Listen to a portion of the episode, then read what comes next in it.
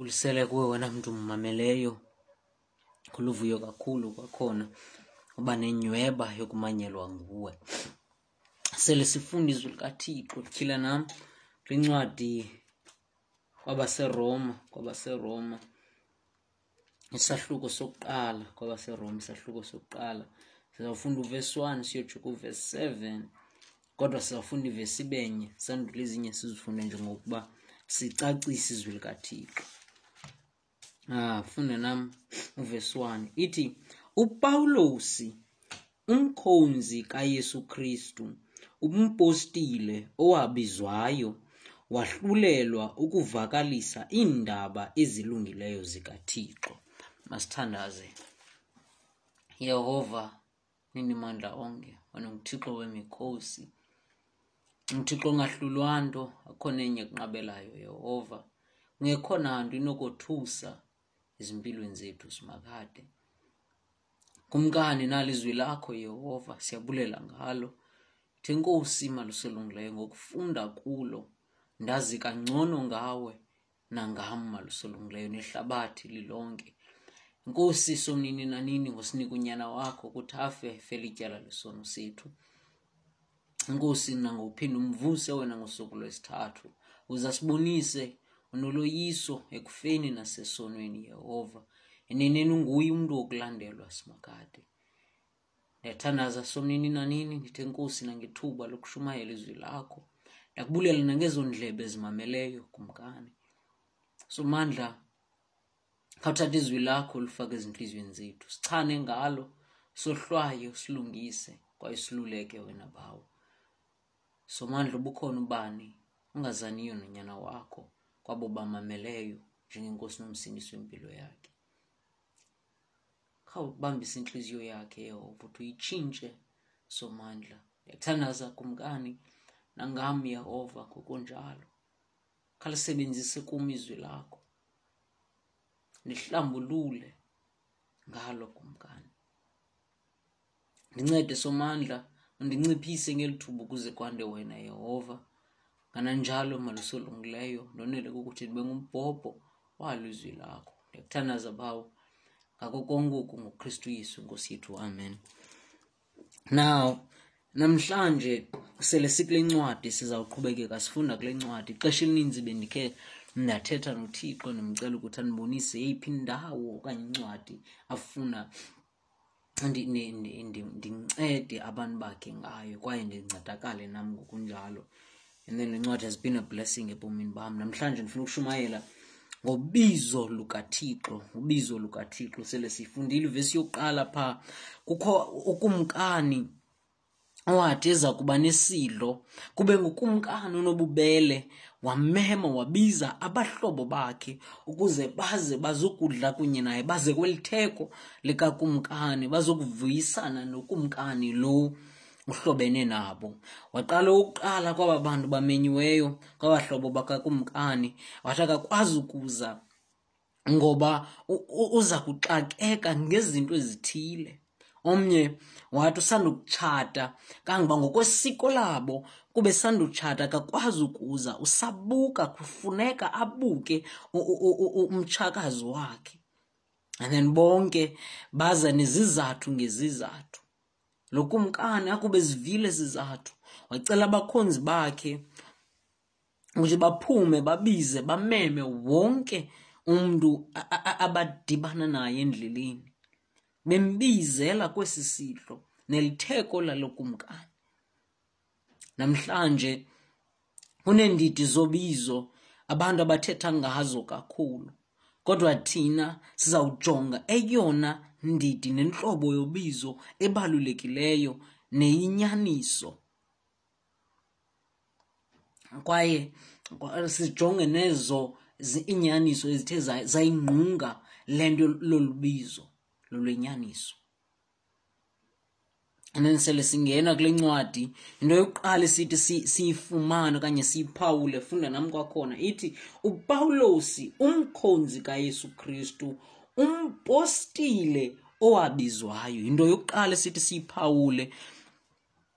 seyifumane ngombhali lo wayo ngokuphefumlelwe nguthixo upawulosi indoda ebikade ifudula ilitshutshisa ibandla ilidlikidla ilonzakalisa ngengcinga ethi yenza oko kuyinkoliseko oko kumkholisayo uthixo kuba ibicinga ukuba uyesu akanguye unyana kathixo kodwa ngoku izibiza ngomkhonzi kaYesu Kristu. Ibikade isebenzela inyama yayo ababingeleli kwaye isebenza ikhonza isono, kodwa ngoku izinto zazitshintshile isebenzela unkosi kankosi. ukumkani kakumkani ngoba xa uthe wahlangana noyesu wazithoba phambi kwakhe izinto zakho azifani nakuqala zisuke zibe ntsha ingumpostile kule ndawo umthunywa kathixo obiziweyo ebizelwa enguqukweni ukuba iguquke ezonweni zayo ikholwe kukristu yesu nawe selubizwa ubizelwe nguqukweni kumele kube kutshintsho wawudibana nale nkosi ngeyesu kristu awukwazi ukuthi udibene noyesu kristu ube ngulaa mntu ubukade unguye phambi kokuba uze kule nto ithi udibene noyesu kristu le nto ingolu hlobo ifana nomntu ozawuthi udibana naye athi xa ekubalisela five minutes back ndisandogilwa yitraka yangena ndangena phantsi kwayo yandirhuqa abe uthetha kakuhle loo mntu ungathi xa uthetha naye okanye gqiba ukubalisela lobali uba utshayiswe sisigadla okanye ugilwe yitraka abe engenanto ibonakalisa uba ugilwe yitraka ubungathi mhlawumbi unethonsi okanye uyavuza completely umntu onjalo nawe ngokunjalo kuba uzawuthi uhlangane noyesu kristu wabutshintsha ubomi bakho kodwa kho nto ibonakalisa loo nto mhlawumbi unethonsi mzalwana qhubeke kufunda nam ithi wahlulelwa ukuvakalisa iindaba ezilungileyo zikathixo njengendoda ethe ngokwamkela nangokusabela kwayo ubizo olu lokuba iguquke ishiye konke ebikwazi nebingakujonga ngathi kulungile idibanisa nako ukuze yamkeleke kuThixo isuke ikholwe kunyana kaThixo owaba sisingxengxezo ngenxa yezono zethu sonke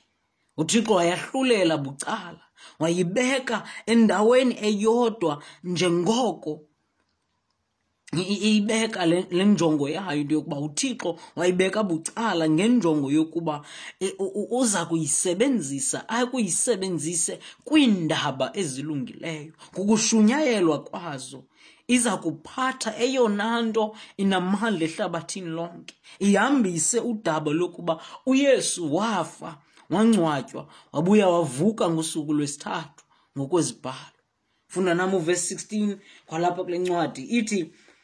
kuba andinazintloni ngazo iindaba ezilungileyo zikakristu kuba zingamandla kathixo okusindisa bonke abakholwayo umyuda kuqala kwanomgrike ingenazo nje intloni zoku ahlulelwe kuko ngoba amandla ako owazela kuye ebengumfarasi okanye umfarisi onentliziyo yelitye elikhuni kodwa uthixo wamnceda wamsindisa ezi ndaba zingasindisa nabani na kwingqumbo kathixo eza ngenxa yesono sethu nangokungamamkeli uYesu lo zingaye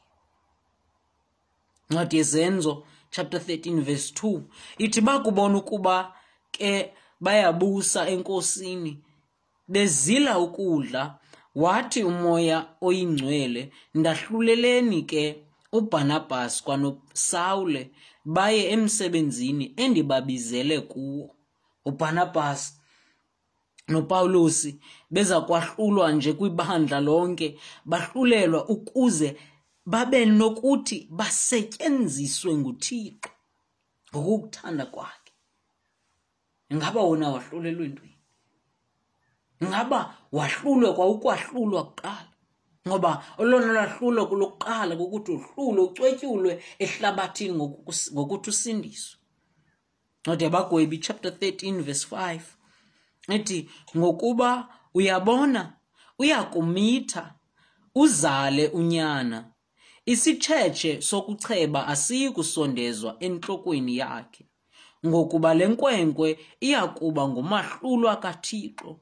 kwasesizalweni yiyo ke eya kuqala ukuwasindisa amasirayeli esandleni samafilisti uSamsoni phambi kokuba azalwe abazali bakhe banikwe imiqathango yokuphila kwakhe njengokuba wayeza kwahlulelwa okuthile aza kwenzela uthixo athi asindise amasirayeli kumafilisti nopawulosi ngokunjalo funda nam kwabaseefese chapter 2 verse 10 sele sisithi upawulosi naye uzibandakanya into yokuba wahlulelwa ukuthi ashumayele ivangeli funda nam kwabaseefese chapter 2 verse 10 ithi kuba thina singumsebenzi wakhe sidalelwe kukristu yesu ukuze senze imisebenzi elungileyo awayilungisayo uthixo ngenxa engaphambili ukuze sihambe kuyo emveni kobizo sele ndikholwa ukunto yokuba uthixo uyababiza bonke abantu emveni koko kokubizwa sibizwa kulo nguthixo ngunyana wakhe sahlulelwe sidalelwe sisindiselwe ukuze senze okulungileyo okukholekileyo kuye lowo usibizayo esibizele nguqukweni ngonyana wakhe ebiza izizwe zonke eziphezu komhlaba ukuthi ziguquke ezonweni zazo zikholwe kuleyo yomvana ithi ithwale isuse isono sehlabathi wena wahlulela entweni ngaba uyaziqonda into yokuba wahlulelwe ukuze usebenze umsebenzi kathixo akudalele kuwo kulo nyana wakhe ukholwa kuwe ukuba uyakholwa funda nam uvesi 2 ithi awazidingayo ngenxa engaphambili ngabo abaprofeti bakhe ezibhalweni ezingcwele ezindaba zilunge kangaka zokuba lowo ungazani nasono waba sisono ngenxa yam nawe aziyonto intsha nengaziwayo okanye eze nabantu basentshona besongeza kwizwi likathixo kodwa ziyinto uthixo wayithetha ngabaprofeti ethembisa kwitestamente endala ukuba kuza uhlangulo noxolelo lwezono ezi zibhalo zingcwele zingcwele kuba zikoko kwathethwayo ngulowo ungcwele funda nam kuIsaya chapter 42 verse 1 ukuya kuverse 7 ithi mboneni ke umkhonzi wam ezi endimxhasayo umnyulwa wam okholwa nguye umphefumlo wam, ndibeke umoya wam phezu kwakhe, uya kukuphumelelisa okusesikweni ezintlangeni, akayi kuqangaza, aliphakamise, alivakalise ezitratweni ilizwi lakhe. Ingcongolo evikivekileyo akayi kuyaphula. Umsonto oqhumayo akayi kuwucima, uya kukuphumelelisa okusesikweni ngokwenyaniso. Akayi kuba nakucinywa, akayi kuvikiveka, ade akumise okusesikweni ehlabathini. Zilindele isiyolo sakhe iziqithi utsho uthixo yena uyehova udala izulu alaneke utwabulula umhlaba neziveliso zawo unika abantu abaphezu kwawo ukuphefumla unika abahamba kuwo umoya ukuthi mna Yehova ndikubizile ngokubulungisa ndakubumba ngesandla sorry ndakubamba ngesandla ndiyakukulondoloza ndikwenze umnqophiso wabantu isikhanyiselo seentlanga, ukuba uvule amehlo eemfama, ukuba ukhuphe abakhonkxiweyo ekuvalelweni, abahleli ebumnyameni ubakhuphe entolongweni. Apha sibona inkcazelo nenyaniso zoko akuko nendlela angayo uKristu ezingaye ezindaba zilungileyo. kwalapha ku-isaya 53 isahluko verse 5 noverse 6 ithi kanti yena uhlatywe ngenxa yezikrexo zethu watyunyuzwa ngenxa yezono zethu ezigwenxa sorry yezenzo zethu ezigwenxa ubetho lokuba sibe noxolo thina lube luphezu kwakhe siphiliswe ngemivumbo yakhe Thina zonke salahleka njengeegusha, sabheka elowo endleleni yakhe, waza uYehova wamwela ngobugwenxa bethu sonke. Hapha siyayibona le nto isesisithembiso sezindaba zokuba le ndoda iza kubethwa ityakatywe ngenxa yethu. Funda nam uvesi 3. ithi ebhekisele kunyana wakhe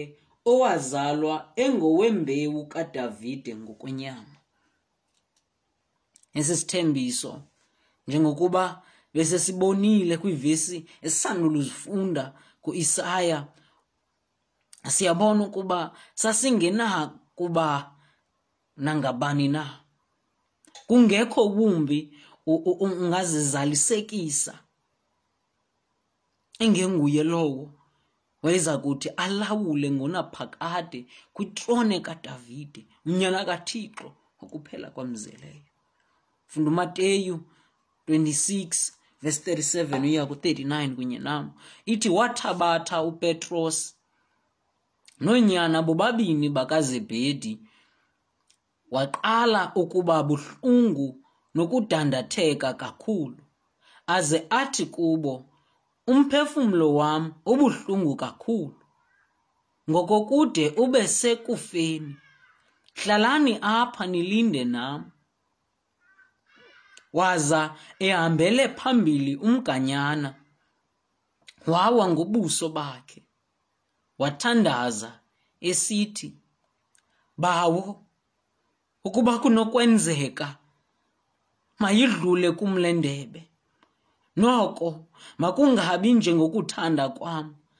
makube njengokuthanda kwakho. izindaba zilungileyo ngokuthenjiswa kwazo nangendlela athandaza ngayo uYesu kule ndawo kwakungekho omnye kwaye akukho nanamhlanje ongathi athathe indawo kaKristu Yesu omnye umuntu obengazalisekisa isithembiso sikaThixo ngosindiso lwethu yinye nendlela esingathi sisindiswe sixolelwe ngayo ngoyesu kristu unyana wakhe verse 4 owamiswayo ukuba ungunyana kathixo enamandla ngokomoya wobungcwele ngokuvuka kwabafileyo uyesu kristu ke inkosi yethu ezi ndaba zingalowo ubekwe kwaye waziwa ngokuba ungunyana kaThixo ophilayo lowo uThixo athi xa ethetha ngaye ungunyana wakho intanda okholisiweyo nguye owazalwa enyameni enamandla enegunya enokuthobela nokuphila ngobungcwele Wangulowo wokuqala ukuthi avuke kwabafileyo kwaye engumzekelo ofanele ukulandelwa. Ngabe ulandela bani? Funda nam kwincwadi kaYohane chapter 3 verse 1 noverse 2. Ngithi kwaye kukho ke umntu wakubaFarisi ogama linguNikodimo umphathi wamaYuda Lowo weza kuYesu ebusuku, wathi kuye, Rabhi, siyazi ukuba ngumfundisi ovela kuThixo, kuba akukho namnye unako ukuyenza le miqondiso uyenzayo wena, ukuba uThixo akanawo. Le ndoda yayingumfundisi kwayinolwazi ngezinto zikaThixo. Yathi yakubona ukuba uYesu ungumahluko kubo. Imfundiso zakhe, ihambo yakhe nempatho yakhe kubanye yamenza uNikodimo afune ukuzifumanela oko uYesu wayenako. andikhathaliseki noba uthi kudala ndikhonza kodwa ukuba awuzange wazalwa ngokutsha akuzange labakho ithuba ebomini bakho uzamkelela uyesu njengenkosi nomsindisi wempilo yakho kumele ufane nonikodima uzithobe uzizele kuyesu kristu uziqonde ukuthi umonile uthixo uzicelela uxolo uvume izono zakho wayemcela ukuthi akusindise ngokwedinga lakhe uthixo wokusindisa ncwadi kamateyu chapter 7 verse 28 kuya ku-29 ithi kuthe ke xanikweni uyesu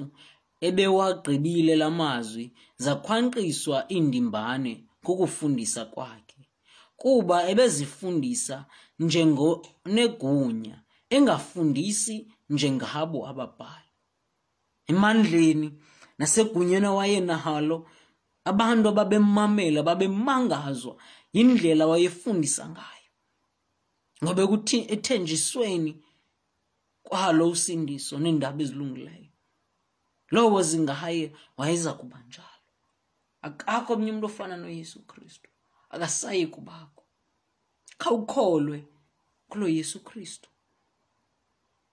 ncwadi yabasekolose chapter 1 verse 18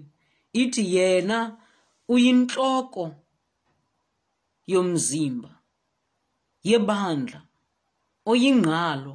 owamazibulo ukuvuka kwabafileyo ukuze yena abe ngomkhulu ezintweni zonke lo Yesu Kristu uyintloko nguye owenza izigqibo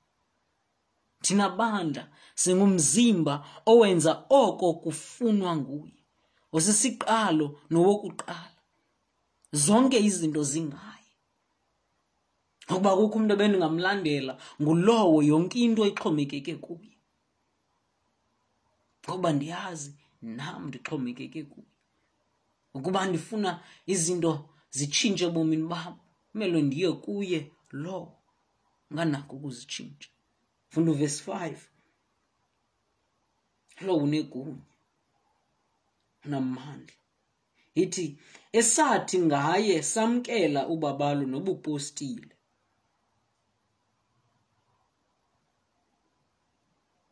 sazisa izinto ezimbini upawulos ubabalo nobupostile izipho ezivela kuthixo ngalonyana wakhe Namhlanje kukho into endingayiqondi kukho abapostile abazenza ngokwabo kodwa upawulos uthi asiqondise ukuba yinto ebisuka kuthixo ngoyesu kwaye nobabalo olu uvuyo ugcobo umbulelo inceba oko kungasuki kuthi koko siyakudinga siyakukufumana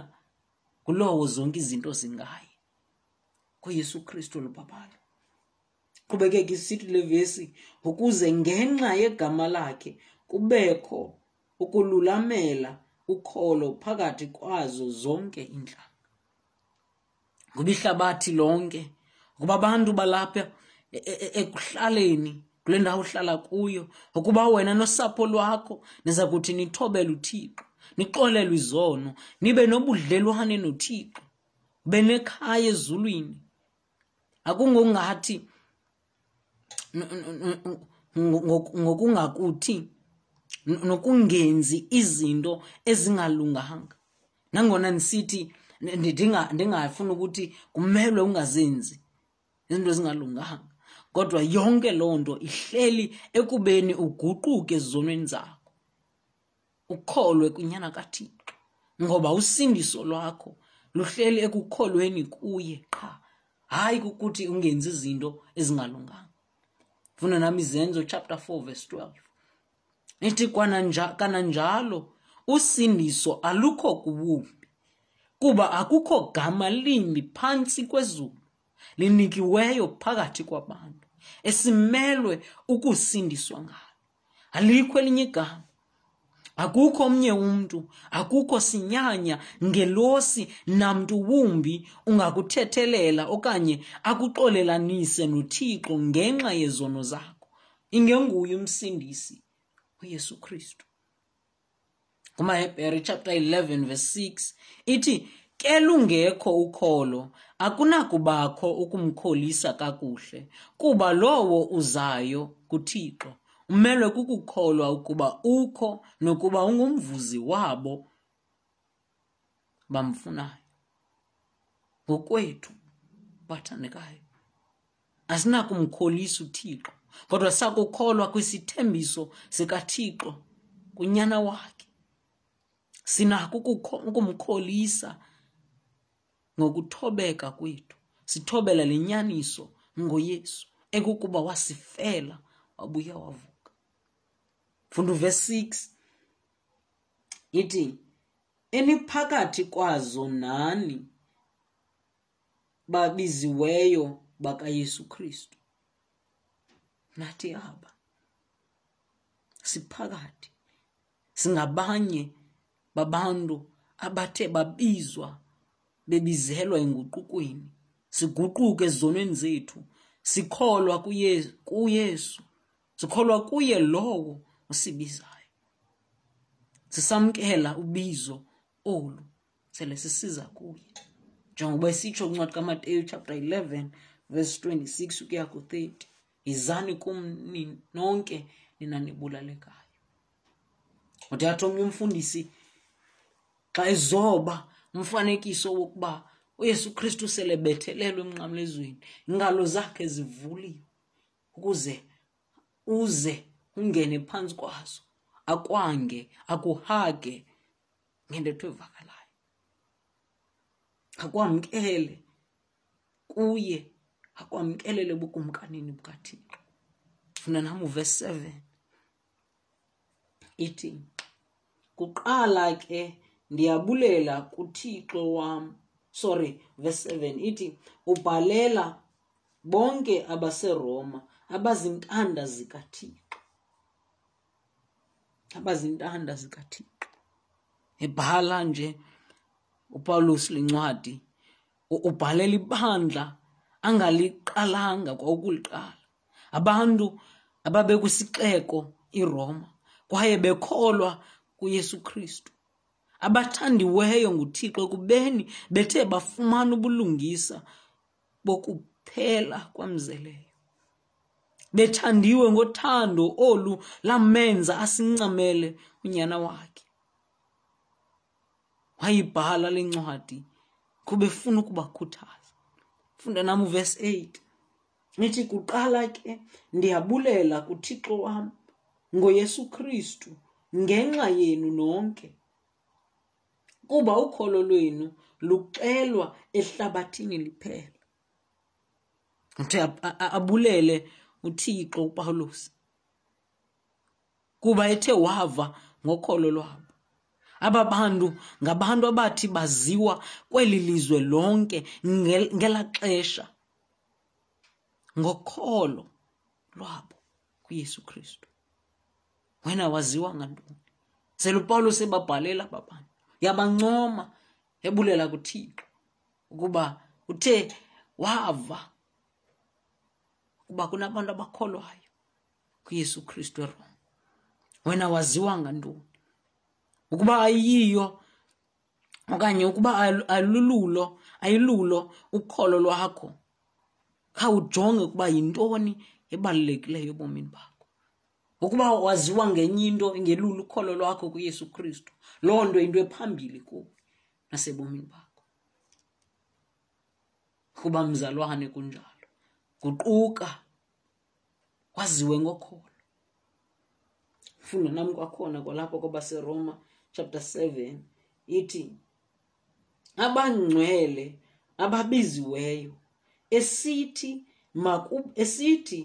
makube lubabalo kuni noxolo oluvela kuthixo bawo wethu nenkosi yethu uyesu kristu abantu ababhalelayo ngabantu abazohlulele kuthixo ngokuthi babe ngcwele njengoko uthixo engcwele ngokholo lwabo kuyesu kristu bebizelwe kuyo inguquko kwaye bakhumbuza bahlale ngobungcwele njengokuba ebabiza ngolu hlobo ubuye athi mabahlale benovuyo ukwanela noxolo izinto esizifumana kuthixo uyise noyesu kristu unyana wakhe singazizama emandleni ethu kodwa ezona zizizo zivela kuthixo ngoyesu mhlawumbi thina singafumana ezikasisithozi ezafake zovuyo noxolo nokwanela kodwa ukuba sizawufumana the original kuzawufuneke siye kuthixo sele ndivala ndifuna ukuba uzuziphendule le mibuzo usabela okanye wamkela uluphi ubizo uyaqonda usindiso olunguyesu kristu qha uyazazi ungahlulelwa okuthile nguthixo uyaziwa ngokholo lwakho kukristu unalo kwa uba nalo